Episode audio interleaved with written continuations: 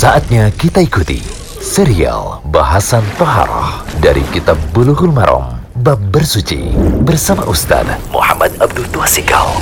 Bismillahirrahmanirrahim. Alhamdulillah, salatu wassalamu ala rasulillah. Kita masuk pada audio ke-26. Nah, mengusap huf. Apa sih yang dimaksud mengusap huf?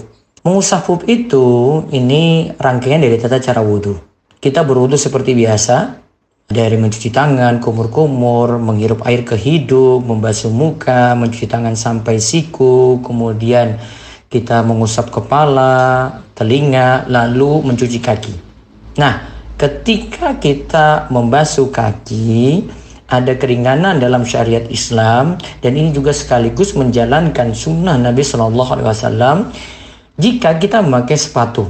Dimisalkan lagi dengan kita memakai kos kaki yang tertutup sampai mata kaki, kita ganti mengusap khufnya, mengusap sepatunya. Tidak perlu sepatu ini dicopot. Saya sebutkan dulu hadisnya, nanti keterangannya di audio berikut. Dari Al-Mughirah bin Syu'bah radhiyallahu anhu. Ini hadis ke-58 dari Bulughul Maram.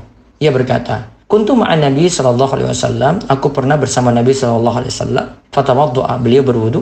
Fahawaitu, kemudian aku turun, itu aku turun ini maksudnya dari posisi berdiri ke duduk.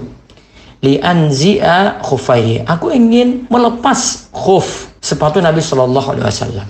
Lantas Nabi SAW itu katakan ketika itu, Da'huma, sudah biarkan saja. Fa ini adkhaltuhuma tahirataini.